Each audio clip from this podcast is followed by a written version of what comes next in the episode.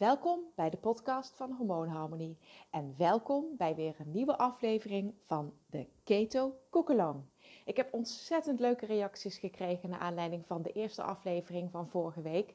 Uh, dus ik ga lekker door met het uh, opnemen van recepten op deze, ik denk toch wel originele manier. In plaats van alleen maar in een blog of middels een video. Um, vandaag heb ik een uh, ander recept voor jullie uitgekozen, uiteraard. En dit keer een recept met gehakt. Zoals jullie wellicht wel uh, al begrepen hebben, of uh, zoals je ook in mijn, webs op mijn website of in mijn Keto Kickstart magazine kunt lezen, maak ik met name recepten die geschikt zijn voor het hele gezin. Want ik ga niet apart koken voor mij of voor mijn vriend of voor mijn kinderen. Uh, ik maak gewoon gerechten die we allemaal kunnen eten. En natuurlijk heeft iedereen zijn eigen voorkeuren. En natuurlijk uh, zijn er gerechten die de kinderen wat minder lekker vinden of die ze uh, liever hebben. En ja, daar, daar, schuif ik natuurlijk wel wat in. Maar in de basis gebruik ik gewoon ingrediënten en, en, kook ik gerechten die de kinderen ook gewoon kunnen eten. En dan moet ik zeggen dat mijn kinderen inmiddels wel uh, wat gewend zijn. Want die zijn natuurlijk gewend wel aan een moeder die het ontzettend leuk vindt om van alles te experimenteren in de keuken. Ook verschillende uh, soorten keukens. Hè. Wij, eten niet, uh, wij eten eigenlijk zelden traditionele Hollandse pot. Het is over het algemeen is het wat internationaler hier. Ook veel oosters. en dat kan gaan van... Um, Indonesisch tot uh, Chinees tot Japans, uh, Vietnamees. Nou ja, ik, ik, probeer van alles uit. De laatste jaren heb ik vooral de Midden-Oosterse keuken ontdekt. Met name ook door Jota Motolenghi en een aantal andere ja, kookboekenschrijvers daaromheen. En um, dit, vandaag ga ik een gerecht maken wat ook een klein beetje al een, een um, een hint geeft in die richting. En dat is een Grieks gerecht, bij heel veel mensen wellicht bekend, Griekse moussaka. Uh, ik weet het niet zeker, omdat ik dat eigenlijk volgens mij nog nooit in mijn leven gebruikt heb. Maar ik, want ik kook niet met pakjes en zakjes. Maar volgens mij is het ook een gerecht wat je uh, in de knor wereldgerechten of zo tegenkomt. En ik ga je met dit uh, recept laten zien dat je echt geen pakjes en zakjes nodig hebt om een heerlijke verse, goed gekruide, smaakvolle en gezonde maaltijd voor het hele gezin op tafel kunt toveren. Nou, ik begin weer met uh, het aanzetten van de oven, want het is een gerecht wat dadelijk weer, uh, wat eerst in de pan weer wordt aangebakken en daarna in de oven wordt gezet. Dat doe ik heel vaak, omdat ik het heerlijk vind om dingen met kaas bijvoorbeeld te gratineren. En dat is in dit geval ook zo. Uh, dus ik heb, uh, ik, ja, ik heb een keer geïnvesteerd in een, uh, in een pan, een gietijzeren pan, die zowel op het fornuis als in de oven kan. ik vind dat heel erg makkelijk, maar dat hoeft niet per se. Als je dat niet hebt, dan, bereid je gewoon eerst even de dingen voor in een grote pan, in een hapjespan of een braadpan. En dan doe je daarna de ingrediënten over in een ovenschaal. En dan doen we dan de saus en de kaas eroverheen en dan kun je hem dan uh, gaat hij neer in de oven. Dus het is geen must, maar ik vind het heerlijk werken. En dan heb ik ook maar één panvies. Nou ja, ik hou van gemak uh, en toch van lekker. Dus vandaag Griekse moussaka op een keto manier. Dus um, ja, het is misschien ook wel een beetje uh, een smaak waar je, waar je wat aan moet wennen. Want het is best wel een vet gerecht. Er gaat namelijk straks een saus overheen die gemaakt is van slagroom en roomkaas. En dan nog eens kaas eroverheen gegratineerd. Dus het is best wel een vet gerecht. Maar goed, dat is ook precies wat dus past bij dat uh, ketogene dieet. En je zult dus ook merken, als je dat dan gaat eten, dat dat echt een zeer goed vullend gerecht is. Maar dat je toch niet zo'n uh, ja, ongemakkelijk volgegeten gevoel daaraan overhoudt. Er hoeft verder ook niet meer zoveel bij, uh, behalve wat salades. Ik maak er vandaag een tomatensalade bij. Um, nou ja, je kunt er gewoon een groene salade bij doen natuurlijk. Je kunt zelfs een salade maken van, uh, van verse spinazie bijvoorbeeld. Komkommer, verzin maar iets wat je zelf lekker vindt. Um, maar in ieder geval nu de moussaka. Um, de ingrediënten die ik daarvoor gebruik. Dat zijn twee niet al te grote aubergines. Uh, ik heb één grote uh, gele ui. Ik heb twee knoflooktenen de tomaten leg ik even aan de kant. Ik heb een halve kilo half om half gehakt. je zou ook kippen gehakt kunnen nemen. Je zou ook gewoon varkens gehakt kunnen nemen. En je zou ook runder gehakt kunnen nemen. Dan heb ik natuurlijk peper en zout. Ik heb een uh, groot blikje tomatenpuree. Dus dat is, um, even kijken, 140 gram. Ik heb olijfolie. Ik heb uh, peterselie, die strooi ik er achteraf nog een beetje overheen. Zo, normaal gesproken gebruik ik eigenlijk altijd uh, platte peterselie, want die vind ik smaakvoller. Uh, dit is krulpeterselie, omdat ze de platte even niet meer hadden bij mij in de supermarkt. Dus die doet het ook, die hak ik straks heel fijn. Maar mijn voorkeur gaat eigenlijk altijd uit naar platte peterselie. Nou, en dan natuurlijk de smaakmakers. En buiten de ui en de knoflook uh, zitten hier uh, natuurlijk oregano in. Dat is toch echt wel een kruid wat heel veel gebruikt wordt in de Griekse keuken. Paprikapoeder. Uh, van allebei één eetlepel. En één theelepel kaneelpoeder. En dat vind ik altijd wel grappig, want wij gebruiken in, in Nederland kaneel eigenlijk meestal in zoete gerechten. Terwijl kaneel toch best wel ook zelfs iets pittigs heeft, iets scherps kan hebben. En je ziet dat dus in zover je meer naar het oosten gaat in Europa en echt naar het Midden-Oosten toe, daar zie je eigenlijk dat kaneel juist meer in um, hartige gerechten wordt gebruikt. Dus het kan soms even wennen zijn, maar zeker in combinatie met, uh, met dat paprikapoeder en uh, die tomatenpuree die er doorheen gaat, geeft dat een hele uh, warme, ja, warme smaak. Echt zo'n comfort food wordt het dan. Dus dit is ook echt een schotel die je ja, het is aan de ene kant denk je bij Griekenland denk je aan zon en, en, en, en terras en warm weer en strand en zee. Uh, maar het is tegelijkertijd, vind ik, door de, door de paprikapoeder en door het, het, het verwarmende van die, uh, van die kaneel, vind ik het ook echt wel een gerecht wat je ook hier bij een, een herfst, op een herfstige dag goed kunt klaarmaken. Um, nou, dat zijn dan de ingrediënten voor um, de moussaka. Of eigenlijk voor, het, voor, het, voor de basis zal ik maar zeggen, de groente en het gehakt. En daar komt dan dus een saus overheen. Uh, ik maak dus een saus zonder gebruik te maken van, uh, van bloem of iets dergelijks, zoals je bij een bechamelsaus zou doen. Dus die saus die wordt gemaakt op basis van slagroom en roomkaas.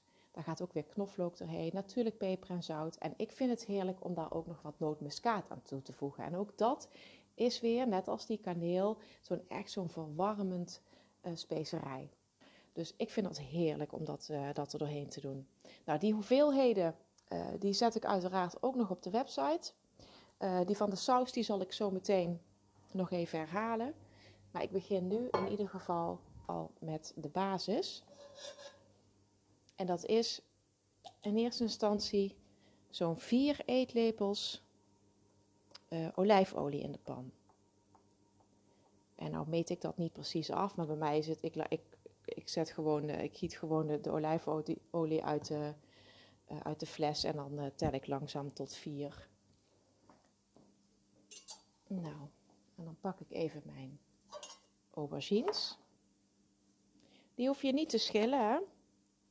Aubergine kun je niet rauw eten. Dus je moet hem wel verwarmen. Wat ik altijd heerlijk vind is grillen. Maar in dit geval gaan we hem gewoon aanbakken in de olijfolie. En ik snij de aubergines nu in blokjes. Niet te klein. In blokjes van ongeveer, um, ja, wat is het? Ongeveer 1 bij 1 centimeter, denk ik.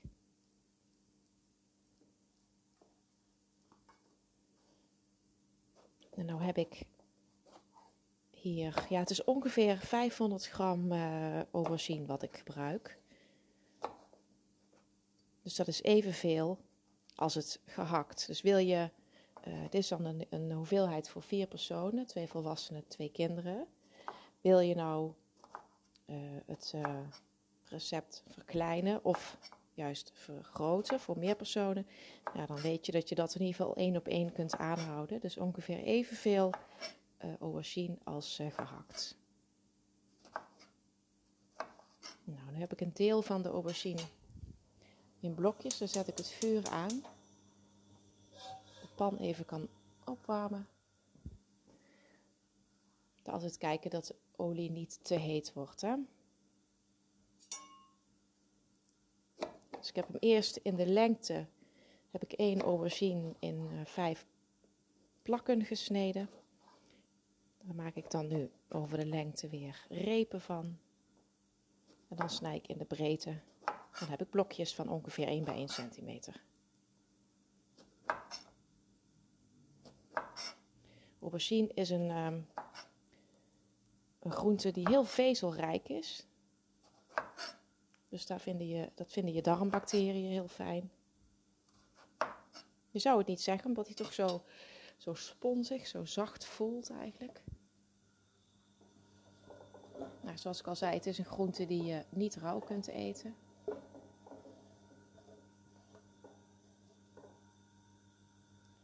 Nou, de ene aubergine ligt al in de pan. Ik kan die even lekker aanbakken. Nu nummer 2.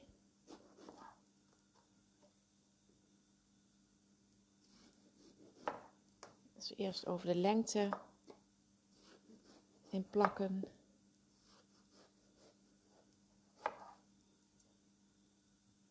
Dan heb ik vijf plakken, daar pak ik er eerst twee van. Die snij ik dan weer in repen. En dan over de breedte in blokjes.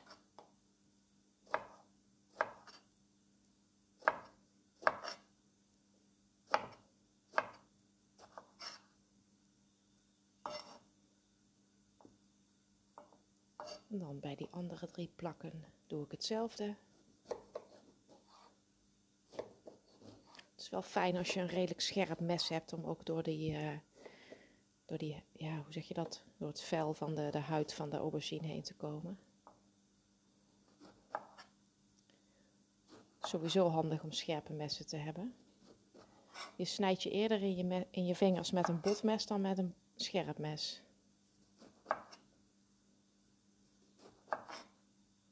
Dat je dan gewoon weg minder grip hebt op je product. Eerder uitglijdt. Zo.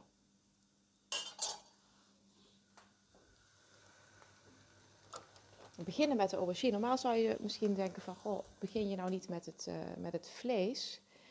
Um, maar die aubergine, die, uh, die heeft altijd de neiging om, daar zit heel veel vocht in. Dus als je daar, uh, als je die bakt, en zeker als je daar dan ook nog wat, wat peper en zout bij doet, dan komt er heel veel vocht vrij. Ook door dat zout. En dan uh, gaat het vlees, gaat het gehakt veel meer stoven in plaats van echt bakken. En dan heb je zoveel vocht in de pan. Dus het is veel lekkerder ook, want dan, dan, wordt er ook, dan ga je ook meer de aubergine eigenlijk koken. Het is veel lekkerder om um, die aubergine als eerste even aan te bakken in de pan. En ik heb nu al bijna geen olie meer. Ik had hier net een, flinke laag, flinke bodem met olie, zo'n vier eetlepels. Maar die is al helemaal opgenomen door de aubergine. Je ziet ook die, ja, die witte, hè, bijna witte blokjes. Die zijn inmiddels groen geworden van de olijfolie. Dat is zo'n spons, die aubergine.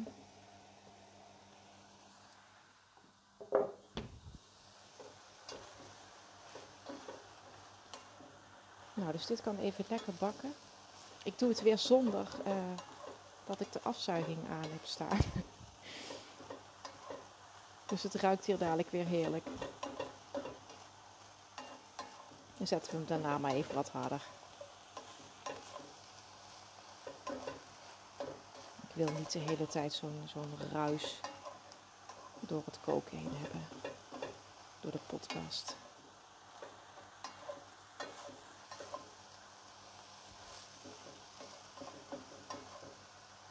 Aubergine is echt een groente die ik de laatste jaren, um, ja, met name eigenlijk door Jota Motolengi, heb, heb ja, niet zozeer heb leren eten, maar heb leren koken. Ik, ik wist eigenlijk vroeger niet zo goed wat ik ermee moest. Ik, vond het, ik vind het altijd een groente die er ontzettend aantrekkelijk uitziet. Het is op de een of andere manier een heel sexy groente, vind ik. Zo'n zo'n zo'n groot en, en het klinkt nou heel raar, maar groot en paars en glanzend. Oké. Je hebt het idee. Het ziet er altijd heel aantrekkelijk uit, vind ik. Als ik die in de supermarkt tegenkom en, en ehm, oké, alles wat ik zeg nu wordt heel raar. Maar goed, als ik er dan aan voel en het voelt heel stevig en niet van die slappe hap die al drie weken in de supermarkt ligt, dan, uh, dan, dan heb ik altijd weer zin om aubergine uh, klaar te maken. Nou, ik roer het even goed om, zodat uh, ook die tweede lichting goed aanbakt. Je ziet dat het al wat vocht aan het loslaten is. En ik uh, bestrooi het nu met wat zout. Er zal dan nog meer vocht vrijkomen. En dan wat zwarte peper.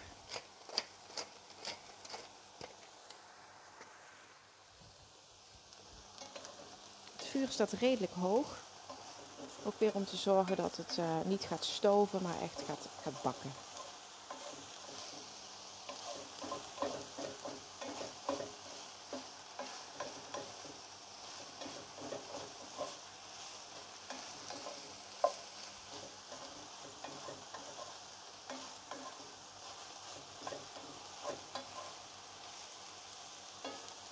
Nou, ik zet het even wat lager. En dan ga ik in de tussentijd uh, de ui fijn snijden. Ik heb hier één grote gele ui. Ik zie dat ik het buitenste laagje even eraf moet halen. Die is niet zo mooi meer.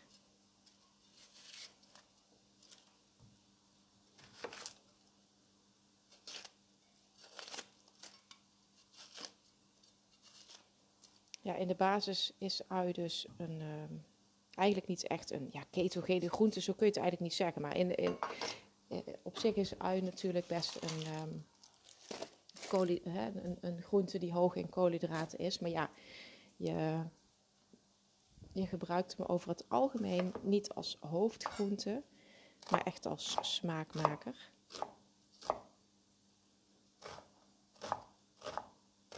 Nou, die snipper ik nou fijn.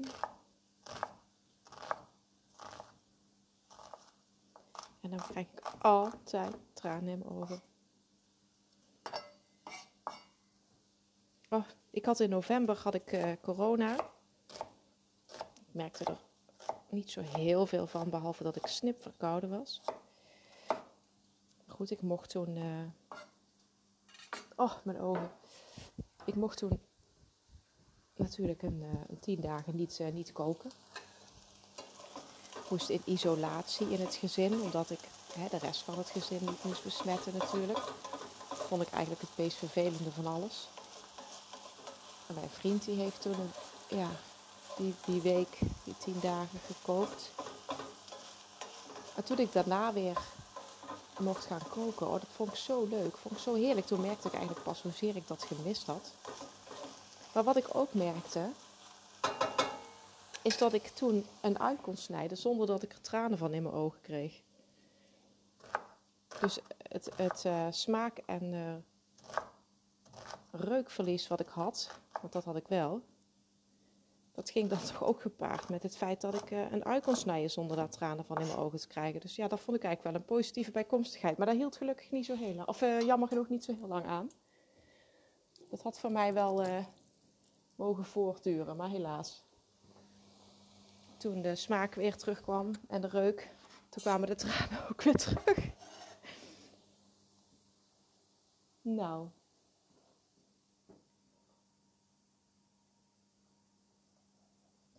Even kijken, de ui. Die kan bij de aubergine. En dat roeren we ook weer even door. Vuur nu wat lager gezet, want ik wil niet dat de aubergine helemaal gaat aanbakken aan de bodem. De stukjes zijn wat zachter geworden en uh, sommige vallen een beetje uit elkaar, maar dat vind ik op zich niet erg, want daardoor mengt het zich dadelijk lekker met het gehakt. En uh, is het ook wat uh, minder herkenbaar voor de kinderen. Want die zijn niet zo heel erg. Die vinden dit heel lekker, maar die zijn op zich niet zo heel erg dol op aubergine. Dus ik verstop hem gewoon. Ik moet even mijn neus stuiten van die ui.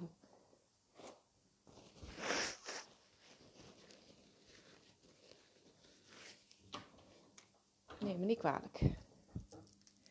Zo, nou die twee knoflooktenen. Twee flinke knoflooktenen heb ik. Het makkelijkste om knoflook even uh, te snijden of te, te ontvellen eigenlijk is, toch, is om hem plat te leggen op één kant. En dan met het mes echt plat, koksmes er plat bovenop te leggen. En dan met je platte hand even een klap te geven op het mes. En dan komt het vliesje zo los van de knoflookteen. En dan snij ik aan de onderkant en aan de bovenkant een stukje ervan af. En dan kun je dat vliesje zo eraf halen en wegdoen.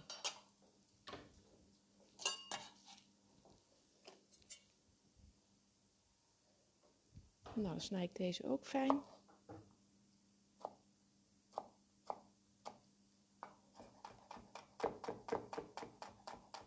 Deze snipper ik. Die derde knoflookteen die ik straks ga gebruiken voor de saus. Die doe ik met de knoflookpers. Dan mengt het zich beter door de saus heen.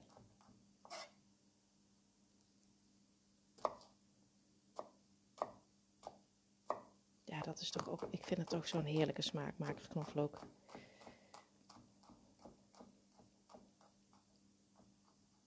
Goed voor het bloed, zegt men. Daar heb ik dan weer niet zo heel veel verstand van.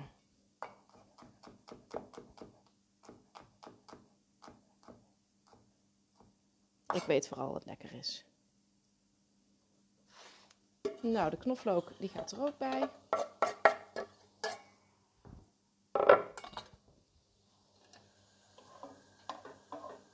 Even weer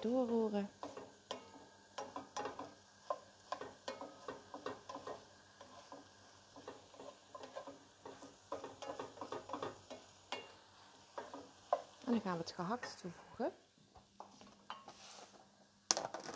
Ik heb hier dus een halve kilo half om half gehakt. Je kunt dus ook rundergehakt nemen of varkensgehakt. Maar varkensgehakt is dus vaak ja, alleen maar gekruid uh, te krijgen. En uh, rundergehakt is natuurlijk weer een stuk magerder. Ja, het ketogeen dieet gaat het dan toch weer om de gezonde vetten. Dus daarom pak ik half om half gehakt. Je zou ook lamsgehakt kunnen nemen. Je zou ook kippengehakt kunnen nemen. Maar kippengehakt is ook vaak weer gekruid. En dat vind ik dan zo jammer. Want ja, daar zit, er dan, zit dan al van alles in. En ik wil er zelf nog van alles mee doen. Zo koop ik ook eigenlijk nooit. Uh, alleen als, als ik echt geen tijd heb of zo om uitgebreid te koken. Maar dan koop ik, uh, ik koop eigenlijk zelden van die voorgemarineerde of gekruide kippenpootjes of zo, van die drumsticks. Maar met kip kun je ook zoveel. Je zult, je zult merken als je mij een beetje volgt dat ik heel vaak kip gebruik. Maar ja, dus, uh, ze zeiden het vroeger al op televisie. Kip het meest veelzijdige stukje vlees. Maar dat is toch ook echt wel zo, vind ik. Het is toch echt uh, in iedere keuken te gebruiken. Nou, dat gehakt dat zit inmiddels in de pan. En dat bak ik lekker mee. Dus het vuur weer een beetje hoger. Dat het niet gaat stoven. Ik bak het lekker mee door die paprika, of uh, door die uh, aubergine, door die ui en knoflook. En ik zei paprika omdat ik eigenlijk wou zeggen dat ik nu de kruiden erbij ga doen, of de specerijen kruiden en specerijen. Dat is dus 1 uh, theelepel kaneelpoeder, 1 eetlepel paprikapoeder en 1 eetlepel gedroogde oregano. Ik, ben, ik had dat hier al in een schaaltje klaargezet. Ik weeg dat dan van tevoren, of ik meet dat van tevoren al even af. Ik meng het even En dan strooi ik het nu uit over de pan.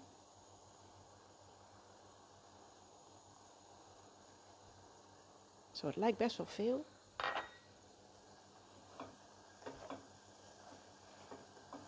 Maar het is toch ook wel een redelijk grote overschotel.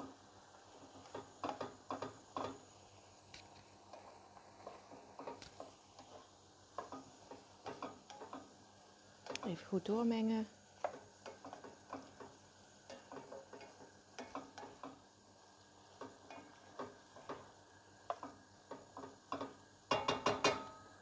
En dan nog wat peper en zout.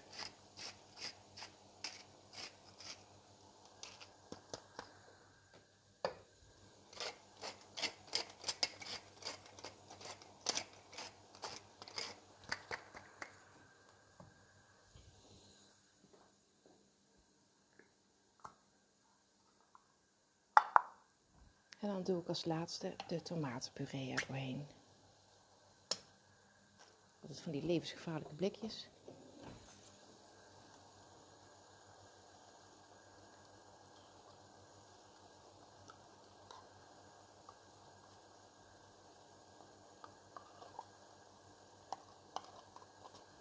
Nou, ik heb nu tomatenpuree.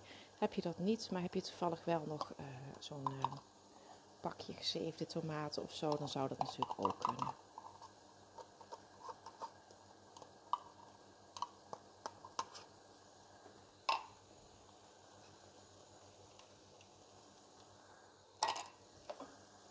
En dit bak ik ook weer eventjes op de bodem van de pan mee. Voordat ik het helemaal onder het gehakt meng. Dat meebakken, dat uh, ontzuurt de tomatenpuree een beetje. En dan meng ik het helemaal onder het gehakt door.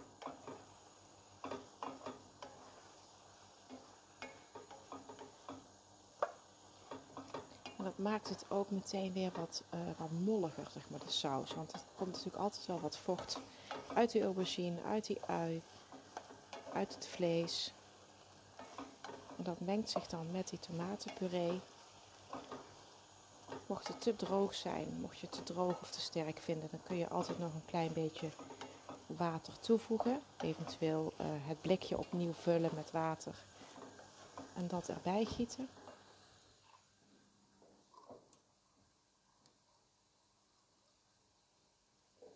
Ik pak nou een half blikje, dus even twee eetlepels of zo.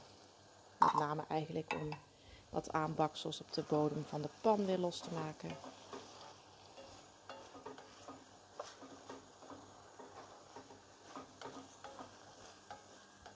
tomatenpuree is ook een echte ja, krachtige smaakmaker. Is, is ja, ook een, um, zeg je dat, in te delen in de umami smaken. Dus umami is natuurlijk jaren geleden als vijfde smaak erkend. We hebben zoet, zuur, zout, bitter. En dan hebben we ook umami. Dat is dan hartig en, krachtige. Dus dat zijn bijvoorbeeld, uh, dat is parmezaanse kaas. Dat is uh, dat is tomatenpuree, dat is uh, miso, dat is sojasaus, dat is um, sardientjes of anchovies bijvoorbeeld. Dit bedoel ik. Dus dat zijn echt van die, ja, van die krachtige smaken. Dus dat is een aantal jaren geleden toch al, zeg, toch alweer 15 of jaar of zo. Als, als, als vijfde smaak erkend. Nou, nu zet ik het vuur uit. Want eigenlijk is dit zover als klaar. Eventjes aan de kant schuiven. En dan maak ik even plaats. Pak ik een ander pannetje. Pak ik gewoon een steelpannetje. En daarin ga ik dan de saus maken. Die uh, dus over het gehakt heen uh, gegoten wordt. Het is een vrij, uh, vrij dikke saus. En dan begin ik met uh, zo'n 120 gram slagroom.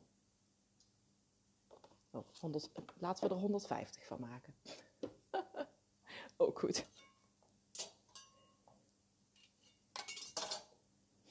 150 milliliter, of 150 gram, ja, is uh, iets minder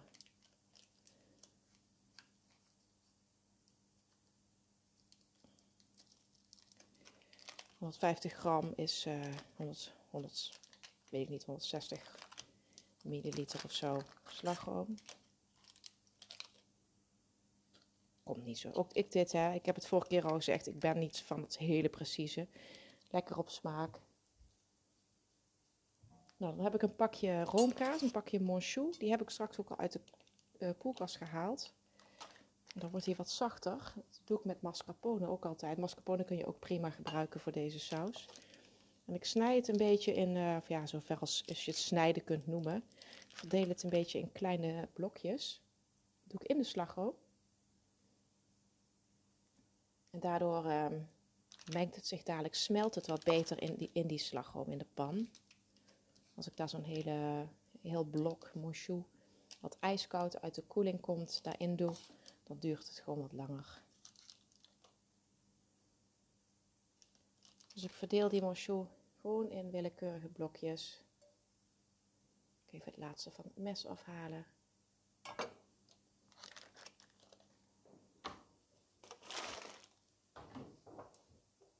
Even mijn handen wassen.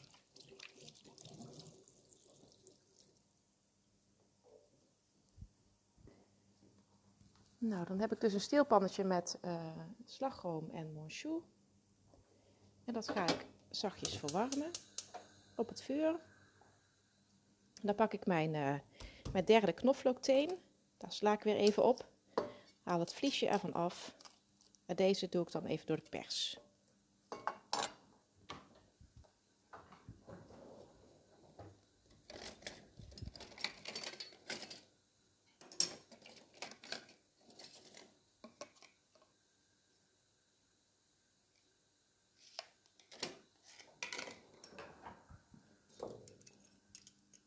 Dus neem een keer, het is een hele grote dit.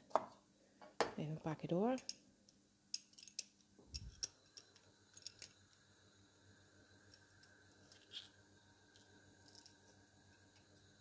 Dan pers ik de knoflookteen boven het pannetje.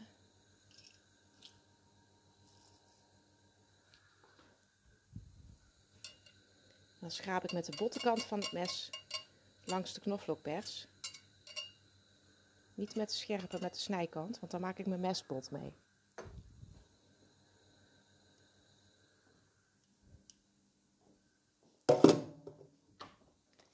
Zo.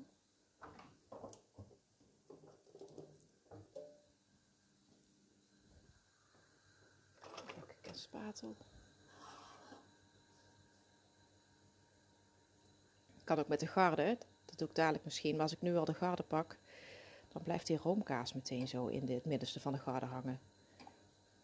En dan heeft roeren niet zoveel zin meer. Dus ik pak gewoon zo'n bakspatel. Rustig roeren. Gewoon om, het, uh, om de warmte van de, uh, de, de, de slagroom die langzaam warm wordt, om die gelijkmatig door de pan te verdelen.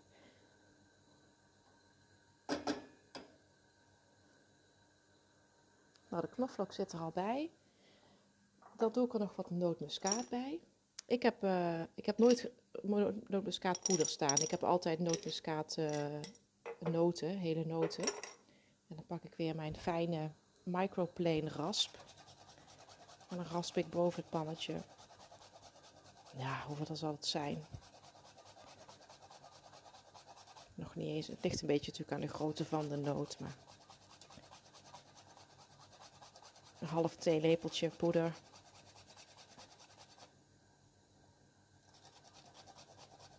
Ongeveer een kwart, uh, kwart nootmuskaatnoot. Misschien iets minder.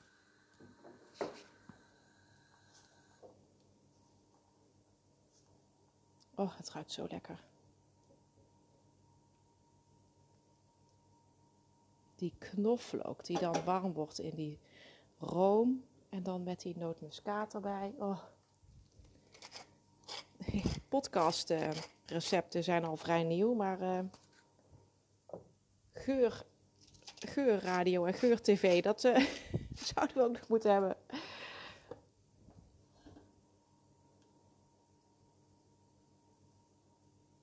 Ja, dit is toch echt wel comfortfood hoor. En zo fijn dat het gewoon mag en dat het gewoon gezond is en goed voor je lichaam.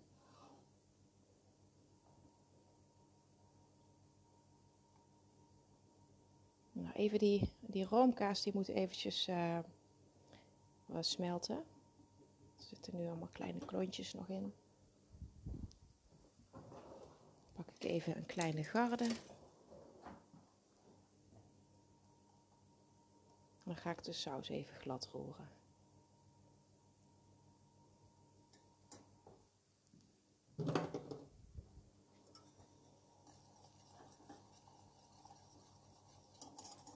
En als dit dan gebeurd is dadelijk, als dit gewoon een gladde saus geworden is, dan um, giet ik dat over de gehaktsschotel heen.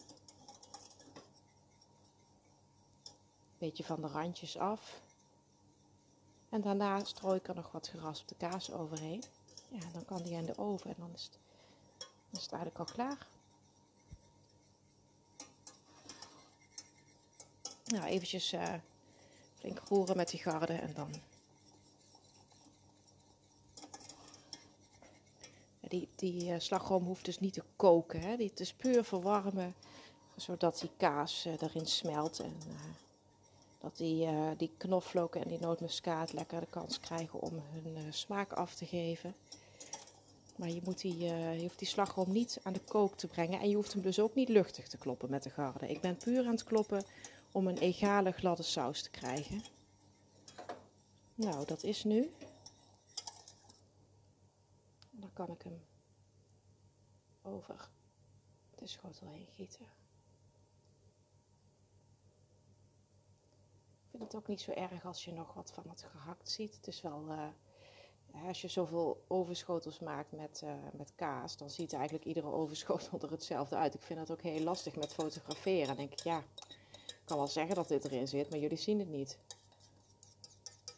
Ik wil toch laten zien eigenlijk ook wat erin zit. Dus ik vind het niet erg als je nog wat van het gehakt aan de rand ziet. Of dat er in het midden ergens een gaatje zit en... Uh, en wat van, die, van het gehakt of die aubergine er tussenuit uh, piept. Nou, dan pak ik nog even de spatel. En haal ik even het laatste restje saus uit de pan. Dat is altijd best nog wel veel, vind ik, wat er zo blijft zitten.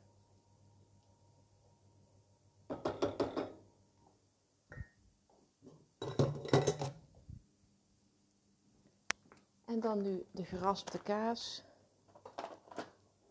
Ik heb, uh, ik heb hier dus geen hele krachtige kaas voor of zo. Geen, geen oude kaas of iets dergelijks. Dit is gewoon geraspte kaas voor pasta.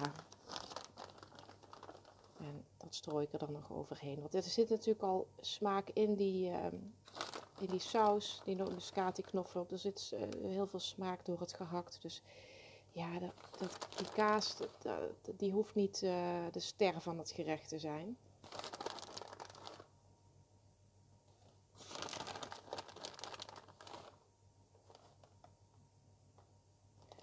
En dan doe ik hier zo'n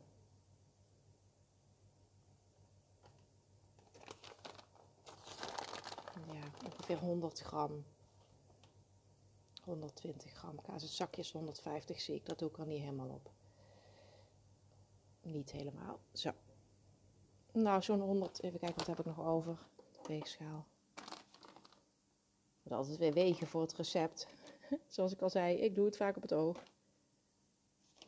Nou, er zit nog 48 gram in het zakje. Dus zeg maar zo'n 100 gram kaas ongeveer heb ik, uh, heb ik over de, scho de schotel gedaan.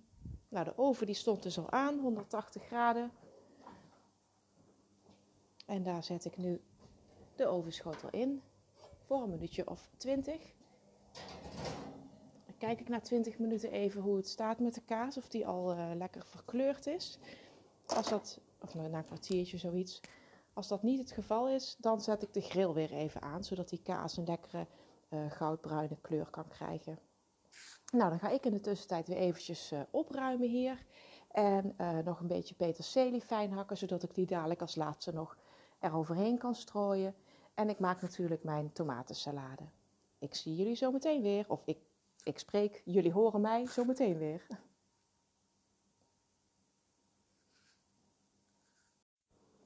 Zo lieve mensen, daar ben ik weer.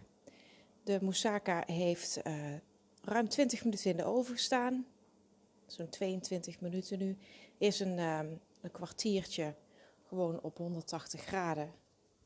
En uh, daarna heb ik de laatste, uh, ja, inmiddels 7 minuten, heb ik de grill nog even aangezet. Nu zet ik de oven uit.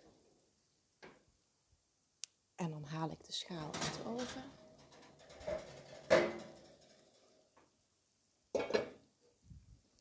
Een lekker goudbruin korstje gekregen. Nou, dan werkt het dat even af met, uh, met de peterselie die ik gehakt heb. Klein bosje peterselie. Ja, gewoon ook weer voor de kleur. Ja, als je nou niet extra, extra peterselie wil kopen, alleen voor een beetje garnering, dan zou je ook gewoon uh, wat bieslook kunnen nemen, als je dat toevallig hebt staan. Of eventueel nog wat van die gedroogde oregano eroverheen strooien, dat kan ook. Maar het is net, ja, dat, dat hintje groen, dat, dat doet altijd wel wat. Dat, dat, uh, dat kleurcontrast. En dat ziet er altijd gewoon lekker fris uit. Ik heb intussen ook uh, een tomatensalade gemaakt. Heel eenvoudig. Ik heb gewoon uh, wat uh, trostomaten in parten gesneden. En daar redelijk wat zout op gedaan. Uh, dat onttrekt ook een beetje wat van het vocht uit die tomaten. En dat mengt zich dan eigenlijk uh, als een soort dressing met de olie. Uh, dus wat, flink wat zout, wat grof zout eroverheen. Wat zwarte peper eroverheen. een beetje verse basilicum losgescheurd. erover verdeeld. En wat olijfolie. en balsamico azijn. En dat is het eigenlijk. Je zou eventueel nog een lenteuitje of een rode ui er kunnen doen. Maar ik hou het gewoon echt heel, heel eenvoudig vandaag. Nou, dan ben ik klaar. Ik heb inmiddels de tafel ook gedekt. Dus ovenschotel is klaar, de moussaka is klaar. Um, ik denk dat de family ook wel klaar is. Ik maak even snel een foto voor jullie en dan uh, gaan wij lekker smullen. Super bedankt weer voor het luisteren naar deze Keto Koekelong. Heb je dit gerecht gemaakt, dan zou ik het super leuk vinden als je het wilt delen op social media. Gebruik daarvoor de hashtag hormoonharmonie of hashtag keto Zoals ik al eerder aangaf, je vindt de ingrediënten en de receptbeschrijving ook nog op het blog op www.hormoonharmonie.nl. Ik wens je een heel fijn weekend en tot de volgende keer. Bye bye!